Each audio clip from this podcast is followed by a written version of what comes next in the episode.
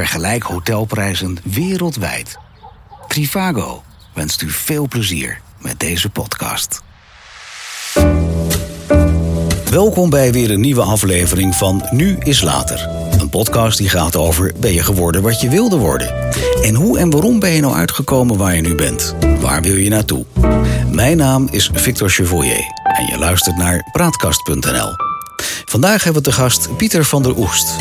Volgens LinkedIn heeft Pieter gewerkt, zowel als recruiter en business manager.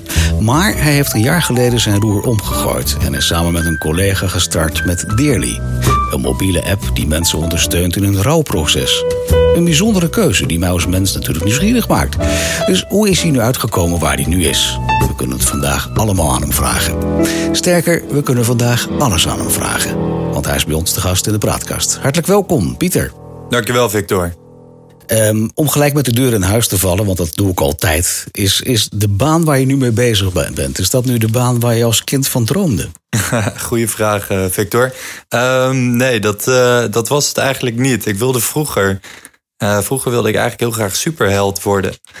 dus, ik dat, denk dat, dat was tot aan je twintigste? Of is nee, dat ja, dan hebben we het echt over vroeger. Hè? Toen, uh, ik denk tot een jaartje of tien. Ja, stiekem wil denk ik iedereen nu nog steeds wel superheld zijn. Um, maar nee, ja, vroeger toen... Ik weet nog heel goed dat mijn moeder me ook altijd... allemaal outfits voor op de basisschool maakte... zodat ik als superheld verkleed naar school kon gaan. Natuurlijk in die periode daarna toen... Uh, toen dacht ik veel meer aan advocaat worden. En was dat iets waar ik heel erg graag naartoe wilde. Maar dat was een serieuze ding dat je naar de advocatuur wilde ook? Ja, zeker. Ja, okay. strafrecht leek me ontzettend interessant. Oké. Okay. Ja, maar dat heb ik uiteindelijk niet gedaan. Ik, uh, ik heb een heel ander pad ingeslagen. En ja, dat heeft uiteindelijk ook weer heel weinig raakvlakken met hetgene wat ik nu doe. Behalve dat ondernemen voor mij toch ook wel in de afgelopen jaren heel erg naar voren is gekomen als iets ja. wat ik heel graag wilde doen. Maar laten we even bij het begin beginnen. Want je zei, ik wilde heel veel worden. En, noem eens even wat dingen. Ga eens terug in de tijd. Waar kom je uit dan? Um, nou ja, goed, kijk. Um, het is voor mij best wel een, een uh, turbulent begin van eigenlijk een... Uh, ja, turbulent begin van mijn leven geweest. Zeker van mijn carrière leven. Ja. Um, omdat op mijn achttiende, toen verloor ik mijn vader. Mm -hmm. dus dat is eigenlijk ook best wel een punt waarop je heel erg de beslissing gaat maken van ja, wat wil je nou eigenlijk gaan worden? Uh, dus eerst was het voor mij, oké, okay, ik wil misschien in, iets in de advocatuur gaan doen. Strafrecht leek me heel interessant. Uh, dus daar heb ik toen, ben ik toen naar diverse scholen gegaan om te kijken of dat wat voor me was. Uh, dus na de afronden van de middelbare school daar naartoe te gaan. Ja. uiteindelijk heb ik voor European Studies gekozen. Mm -hmm. Dus weer iets compleet anders. Dus eigenlijk meer het bestuderen van de finaliteit van de EU in de, zeg maar, uh, dus wat, wat kan je daarin betekenen? Even overnieuw, finaliteit van. Ja, dus het bestuderen eigenlijk van de finaliteit van de Europese Unie. Dus waar kan jij bijvoorbeeld als ondernemer jouw rol inspelen in de Europese Unie? Dus als je het hebt over handelsrecht of misschien meer politiek gebied. Dus wat kan jij als rol spelen daarin? Hoe kwam je daarbij dan? Ja, dat was eigenlijk een hele simpele keuze. Omdat ik wilde een opleiding waarbij ik heel veel talen had. Dus Spaans, Engels, Duits. En waarbij ik de mogelijkheid kreeg om veel naar het buitenland te gaan. Dus te gaan reizen. Oké, okay. die, die combinatie. Ja. Talen, reizen. Ja.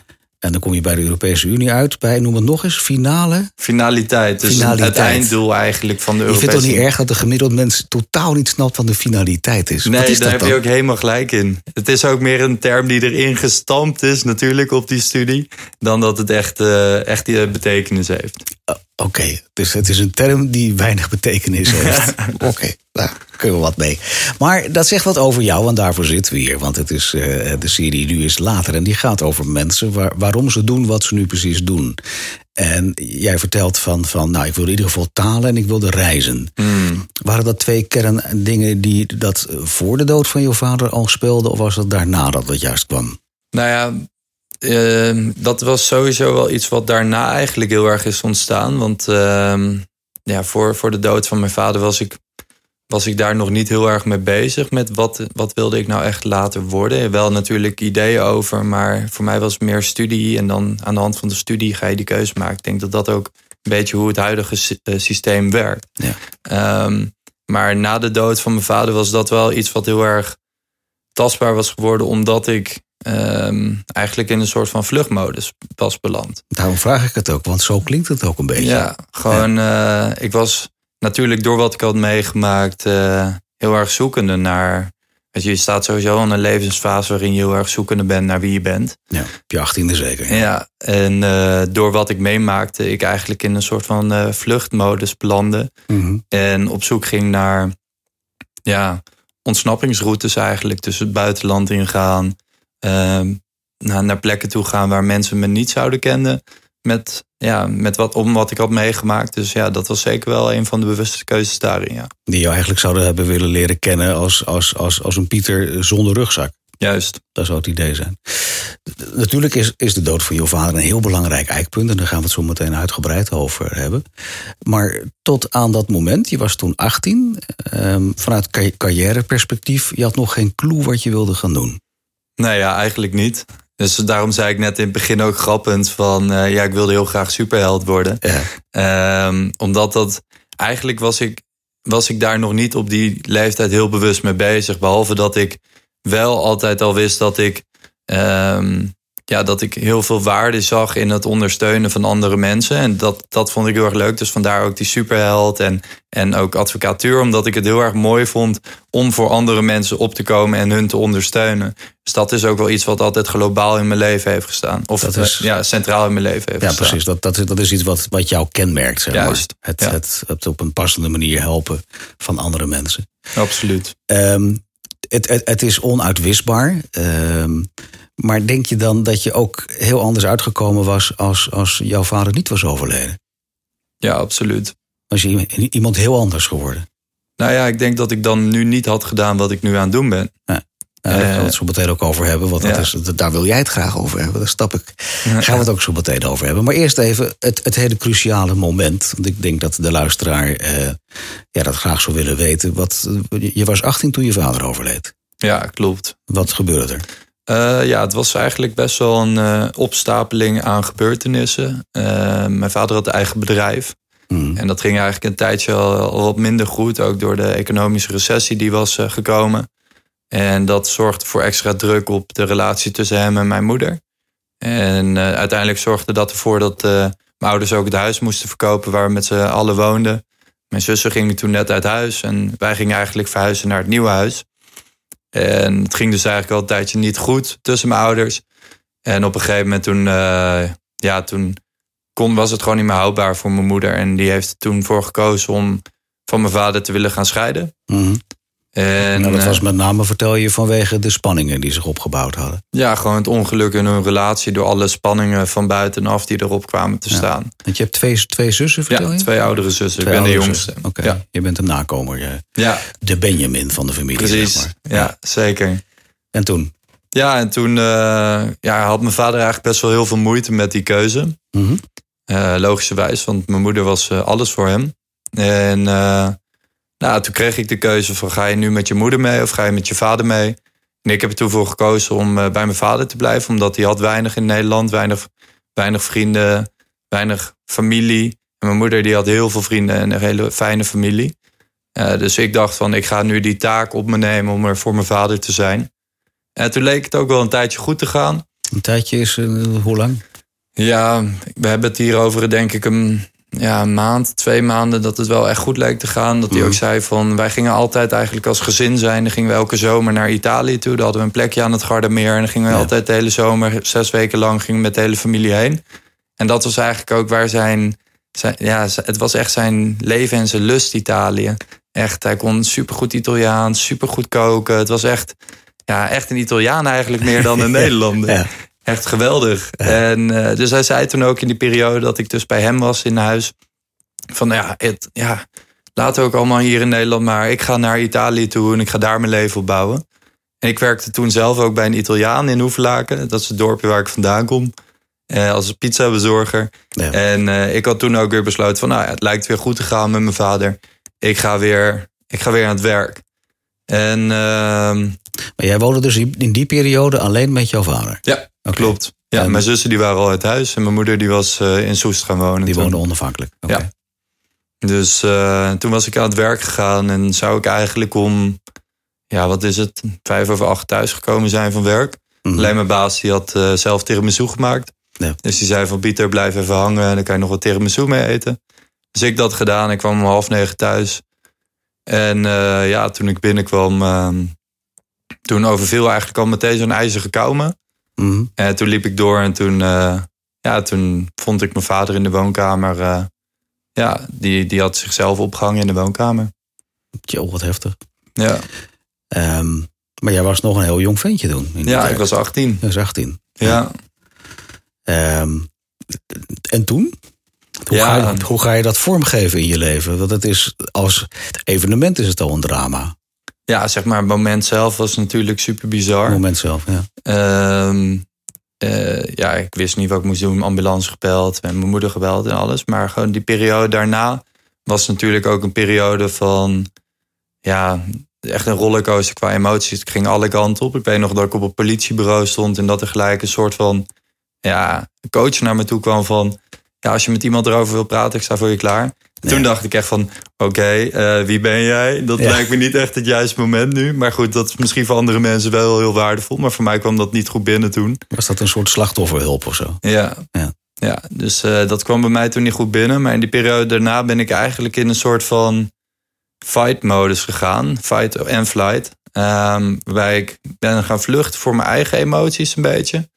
Maar heel erg aan de slag ben gegaan met andermans emoties. Mhm. Dus heel erg, oké, hoe kan ik ervoor zorgen dat mijn zussen en mijn moeder zo snel mogelijk gewoon weer de energie van alles zien en de draad weer oppakken en zien dat er nog heel veel is om voor te leven. Want het is natuurlijk, En, Ja. en waarom vond jij dat toen belangrijk om die zorg op jou te nemen als jongst? ja, ik denk dat dat, ik voelde me in één keer de heer des huizes, omdat mijn vader er niet meer was. Dus ik voelde, Jij was voelde- de man dan weer thuis. ja, ik was echt de man in het huis, dus ik dacht, ik moet dat, ik moet dat gaan regelen. Het voelde echt, Maar waar was jij zelf dan? Want dat, dat huis waar je met je vader woonde, je vader was er niet meer. nee, Dat lijkt me ook heel erg apart. Ja, mijn moeder die was daar weer komen wonen. Tenminste, we zijn toen eerst nog eh, niet gelijk daarin gaan, eh, weer in gaan wonen. We zijn eerst nog even in het huis van mijn oom en tante in Soest gaan zitten. Ja.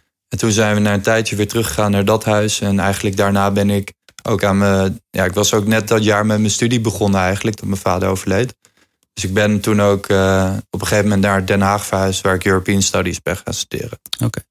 Ehm, maar even voor mijn beeldvorming, dat was dus hetzelfde huis waar jullie weer zijn gaan wonen als Ja. waar je vader zelfmoord gepleegd heeft. Klopt. Is dat niet heel heftig om in het huis aanwezig te zijn? Ehm, ja. Het, ja, het is, het is, ja, natuurlijk is het in het begin heel heftig. Het is heel confronterend. Maar door iets weg te duwen, eh, schiet het alleen maar harder terug. Dus Hmm. ehm, ik denk dat doordat we het juist hebben omarmd en ehm, dat, dat, dat, dat we dat ook hebben leren accepteren. En eh, ook het verlies van mijn vader eigenlijk meer op die, ma- die manier nu door het niet weg te duwen, door je gevoelens niet weg te duwen, maar bespreekbaar te maken, er sterk uit te komen. Woont je moeder nog steeds in dat huis? Ja, Oké. ja, Ehm, en toen moest jij verder. ja.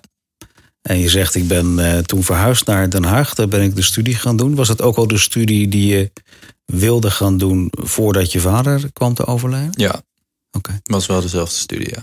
Ehm, dus daar, daar is geen wijziging in geweest ten gevolge van de dood van je vader. Nee, ja, sterker nog, ik was eigenlijk voordat ik met mijn studie begon, was ik altijd een beetje een eh, aan het land vante. Ik was niet echt, eh, dus ik zag de waarde er nog niet echt heel erg was van niet in. erg super gemotiveerd, zeg maar. Nee. En ehm, toen mijn eh, vader was overleden, was ik daarna in één keer werd ik heel erg geconfronteerd met ja, de waarde van het leven, zeg maar. Mhm.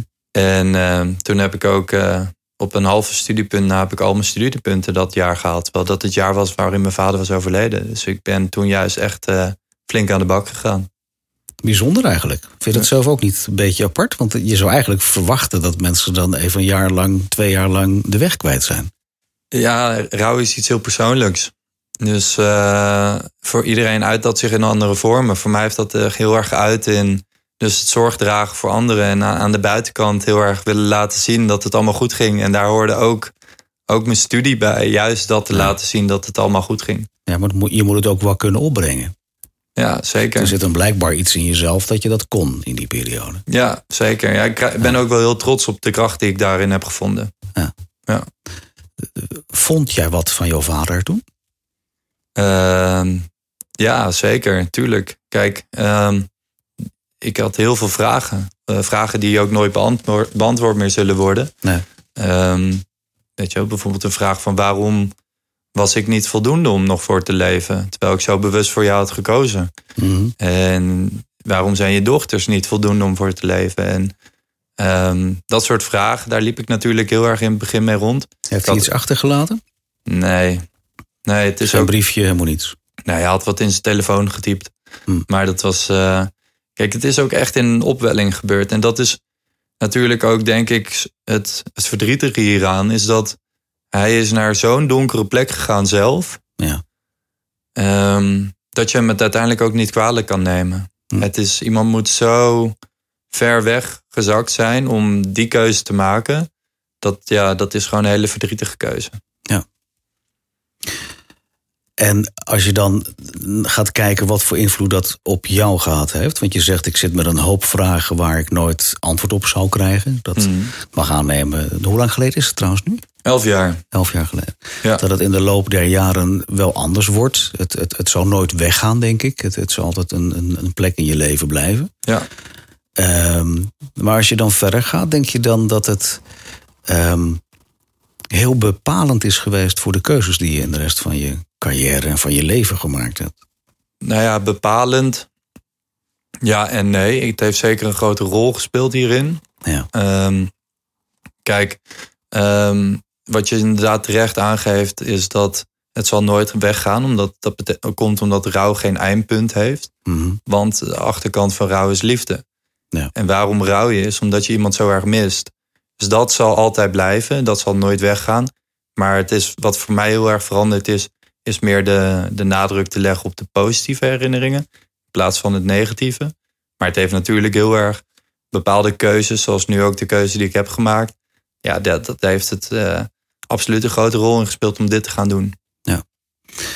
Ehm, is het altijd voor dat bruggetje daar, daar waar je heen wilt? Van Deerly? Wat, ik, ik, Ja, ik zie je een beetje nadenken. Maar, maar we zitten elf jaar tussen. Hè? Je hebt je studie gedaan. Kun je daar Mhm. e- even, voordat we echt het over Deerly gaan hebben... wil, wil je even vertellen hoe, je, hoe dat tot stand gekomen is? Want je bent ja, meerdere dingen gedaan. Je bent een recruiter geweest. Eh, ja. Waarom? Waarom ben je re- recruiter geworden? Vond je dat leuk? Ja, nou ja, goede vraag. Kijk, ik, eh, ik was klaar met European Studies. Ik had een half jaar in Amerika gestudeerd.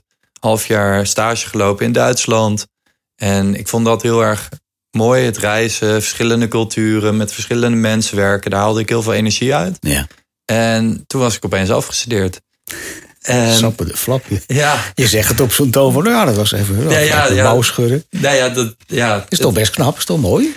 Ja, zeker. Kijk, ik heb gewoon een geweldige studententijd gehad. Eh, ik woon in een studentenhuis in Den Haag met 25 andere studenten. Dus het was echt super, super leuk altijd. Ja. En daar heb ik ook heel veel eh, steun en toeverlaat in gevonden. In, zeker in die periode van ja, de eerste paar jaar na het overlijden van mijn vader. Dus dat heeft me heel erg geholpen.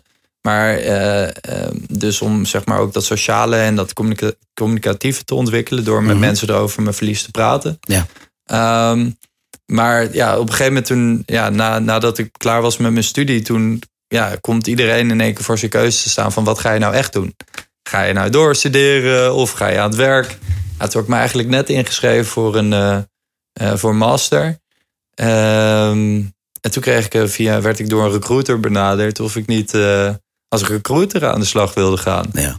Toen dacht ik, nou ja, we kunnen altijd het gesprek aangaan. En eh, Maar wat leek je daar leuk aan dan? het mensen, mensenwerk. Echt Weer het, het mensenwerk. ja, dat is echt iets wat heel erg centraal staat bij mij. Echt met mensen te werken en eigenlijk gewoon die verbinding te leggen. Wat je hierbij als recruiter doet, is natuurlijk de verbinding leggen tussen mensen en organisatie. En kijken of dat een match is. Ja. En, eh, en dan er ook voor te zorgen dat iemand de juiste baan vindt.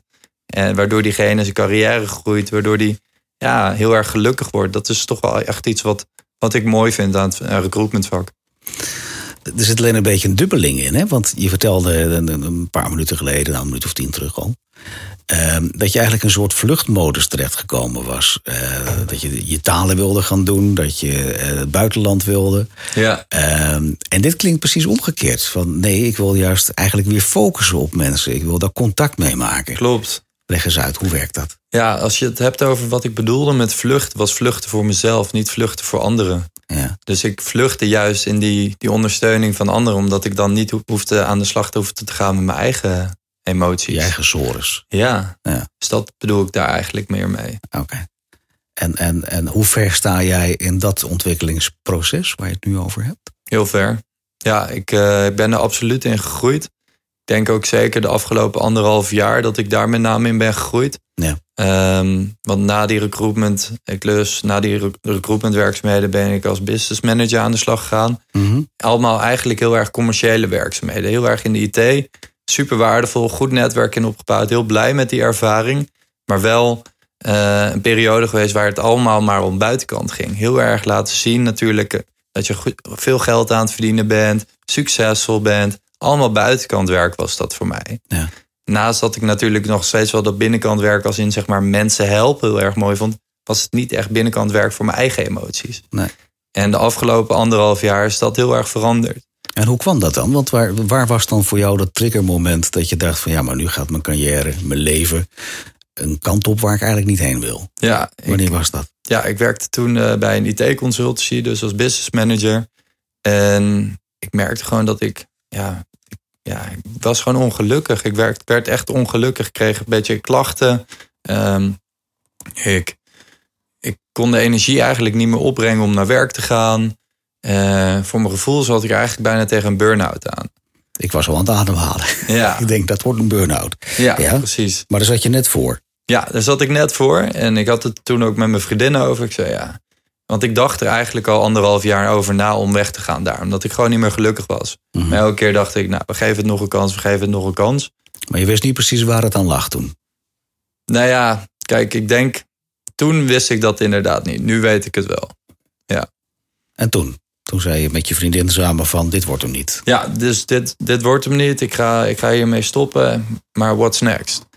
En Nou, eh, dat wist je dus nog niet, wat er dan eh, daarna moest volgen. Nee, ja, het voordeel is dat ik altijd heel erg eh, een netwerker ben geweest. Dus echt Ja. altijd met heel veel mensen in contact ben gebleven. Zo ook met, ja, met, met een ondernemer die een eigen consultancyclub had opgezet. Ja. En daar meet ik gewoon één keer in de twee maanden mee. Een soort van brainstorm over nou, waar we naartoe wilden en ideeën wisselen. En ik vertelde hem toen van ik wil eigenlijk wel aan de slag gaan als coach of een coachingopleiding gaan doen. Dat ik toch wel merk dat dat, ja, dat ondersteunen van mensen, eh, daar hou ik heel veel energie uit. En dat is voor mij ook wel iets als ik dan ergens van terugkom en ik heb dat, ik zie mensen groeien, daar hou ik, ja, daar word ik heel erg gelukkig van. Dus dat is zeg maar mijn life purpose geworden. En daar kwam je achteruit. Eigenlijk kwam je erachter middels de gesprekken met je eigen coach dan. Want Ja. dat, wa- wat dat was, dat was hij dan. Ja, ergens wel, ja, Ja, zeker. Ja, dus eh, eigenlijk heeft hij heel goed de spiegel voorgehouden. Ja. En ehm, ja, dus toen eh, zei hij ook nog van... eh, dit is zo bizar dat je dit aan mij vertelt. Want zijn vrouw was toen net eh, een coachinginstituut in Nederland... wat uit Amerika kwam in Nederland aan het uitrollen. Toen zei hij, wil je anders met me mee naar huis? Dan kan je mijn vrouw ontmoeten. Ja, wie weet. ja. is goed. Ja. Dus toen hebben we echt superleuk, inspirerend gesprek gehad eh, van anderhalf uur. En toen hebben ze me een boek meegegeven, wat geschreven was door de fou- founder van IPAC.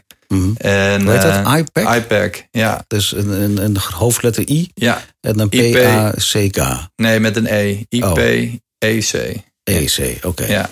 Dank je. Ja. En, ehm, en ja, dat, toen heb ik dat boek gelezen en dat, ja, dat, dat, dat voelde heel erg goed. En eh, ja, toen heb ik ervoor gekozen om die coachingopleiding te gaan doen. Maar waar, waarvan leefde je toen in die periode? Ja, dus daarnaast was ik, naast dat ik die coachingopleiding was gaan doen, was ik ook begonnen met mijn eigen onderneming. Nee, ja? Ehm, dat was gewoon als freelancer, eh, business consultant, waarbij ik een. ehm, Je werkte als ZZP'er, zeg maar. Ja, ik werkte als ZZP'er, dus ik werd door bedrijven ingehuurd. Jezelf, ja precies. Ja, ik werd door bedrijven ingehuurd om ja. Ja, hun bijvoorbeeld te helpen met bepaalde recruitmentprocessen te optimaliseren. Of salesprocessen. Of simpelweg sales te doen. Mhm. Dus eh, dat deed ik toen voor een tijdje. En dat is toen eigenlijk ook de periode geweest waarin ik met Quirine in contact ben gekomen. Ehm, Ja, maar even, even nog een stapje terug. Want je was daar dus mee bezig. En, en eigenlijk was je ehm, aan de ene kant als ZZP'er actief in je oude vak, mag ik aannemen. Dat je een beetje business consultancy deed. En, dat vond je wel leuk om te doen. Ehm, en tegelijkertijd was je met je coachingsopleiding bezig. ja, Ja, Eh, helder beeld. helemaal helder. En toen kwam je Querien tegen. Ja, dus eh, ja, dat was eigenlijk volgens mij anderhalf jaar geleden Ja, ongeveer dat ik Quirine tegenkwam op LinkedIn. Luto heette het toen nog.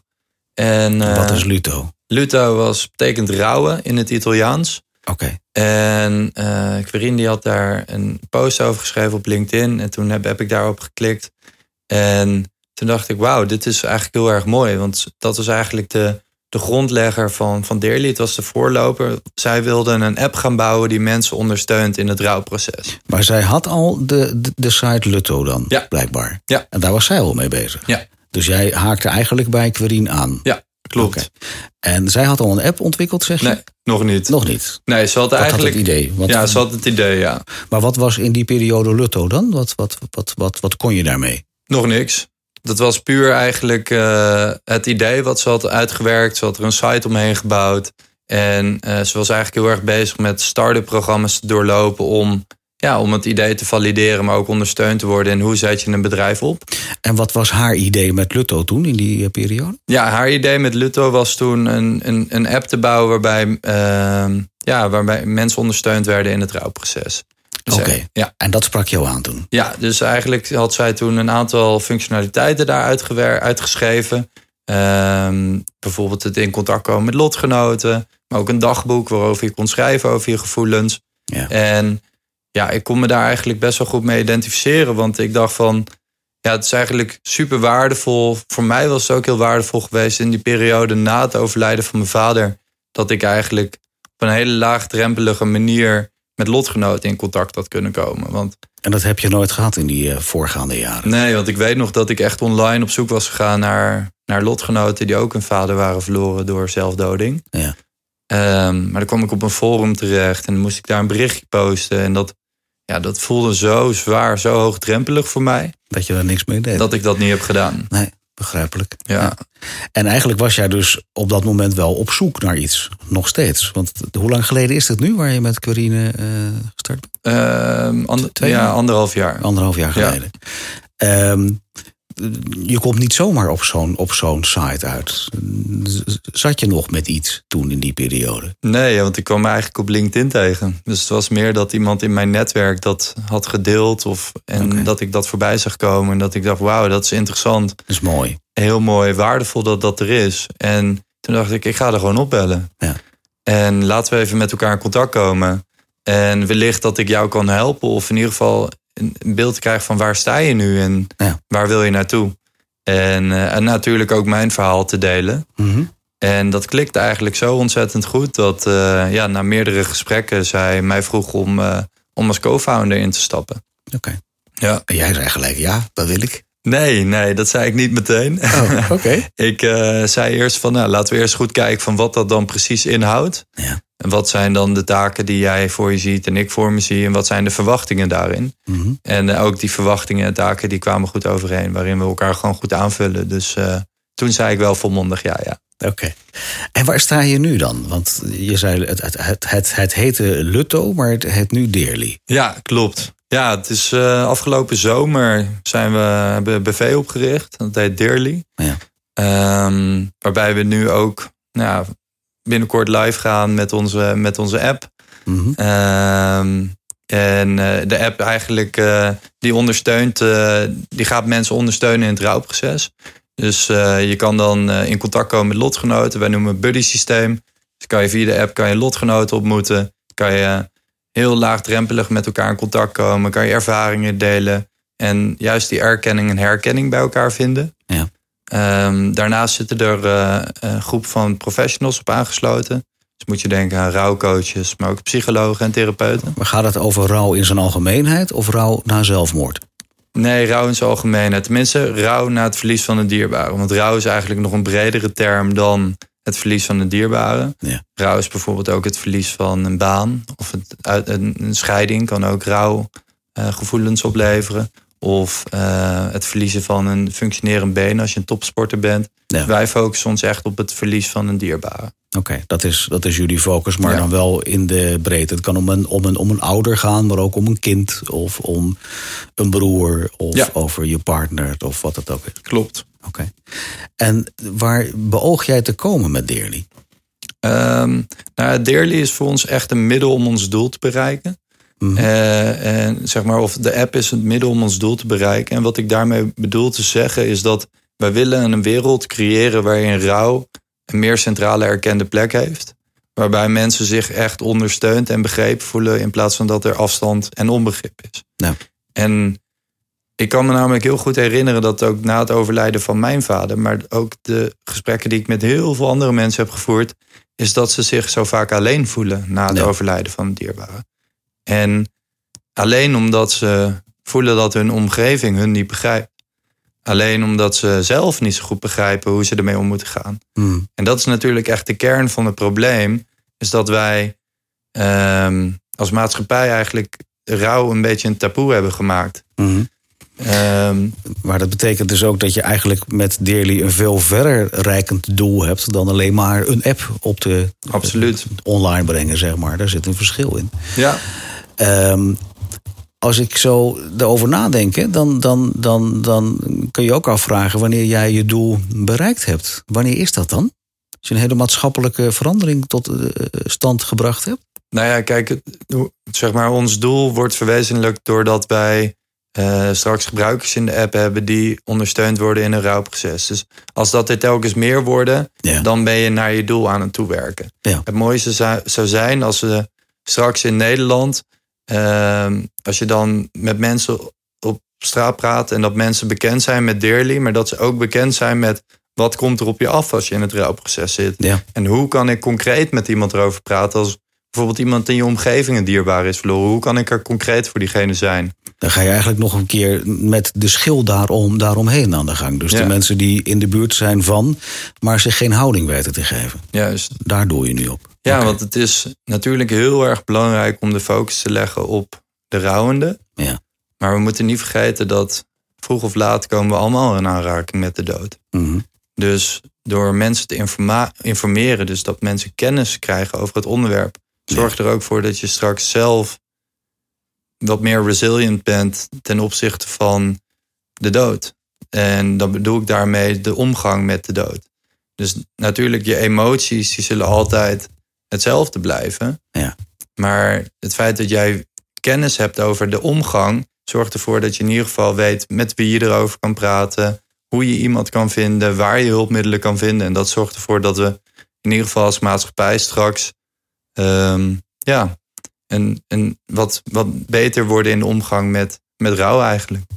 Maar dan zeg je eigenlijk dat je een soort maatschappelijk doel hebt. Hè? Dat, je, Zeker. dat, je, dat je eigenlijk wil bewerkstelligen dat we hier in Nederland... dus ik ga er even vanuit dat het Nederlandstalig is en blijft... maar misschien dat je ook wel internationaal wil. Absoluut. Oh, nou, dan hebben we nog een leuk, leuk item erbij. Even van het Nederlandstalige gedeelte uitgaande. Ehm, dat je eigenlijk een soort mentaliteitsverandering zou willen bewerkstelligen. Zeker. Ehm, maar denk je dat daar een eh, app en een site, met alle re- respect hoor, maar dat dat het voldoende is? Want er is toch denk ik meer voor nodig. Absoluut, maar je moet ergens beginnen. Is helemaal waar. Maar betekent dat dat je nog meer in de pijplijn hebt zitten? Ja, zeker. Waar ja. denk ik aan? Waar moet ik aan denken wat je nog wil? Nou ja, we zijn bijvoorbeeld ook aan het nadenken om een stichting op te richten. Mhm. Ehm, waarbij we eigenlijk inderdaad, want we zijn eigenlijk, ons doel is meer wereldverbeteraar. Ja. Ehm, en dan bedoelen we daarmee dat we rouw en de dood een meer centrale plek, plek proberen te krijgen.